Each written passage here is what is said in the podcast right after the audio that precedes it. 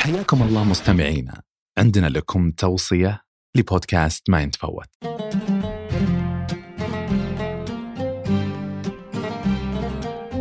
تحدثنا عن الشعر العربي وموقعه في حياة الإنسان العربي قديما وعن آثاره الاقتصادية والسياسية والاجتماعية والثقافية كذلك في حياة الإنسان العربي.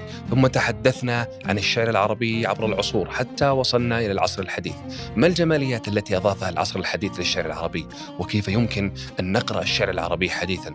ثم تحدثنا عن عام الشعر العربي في المملكة العربية السعودية.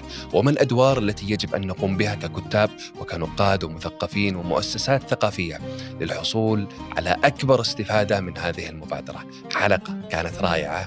أترككم معها. استمتعوا بحلقات بودكاست 1949 عبر تطبيق البودكاست المفضل أو على اليوتيوب وتلقون الروابط في خانة الوصف.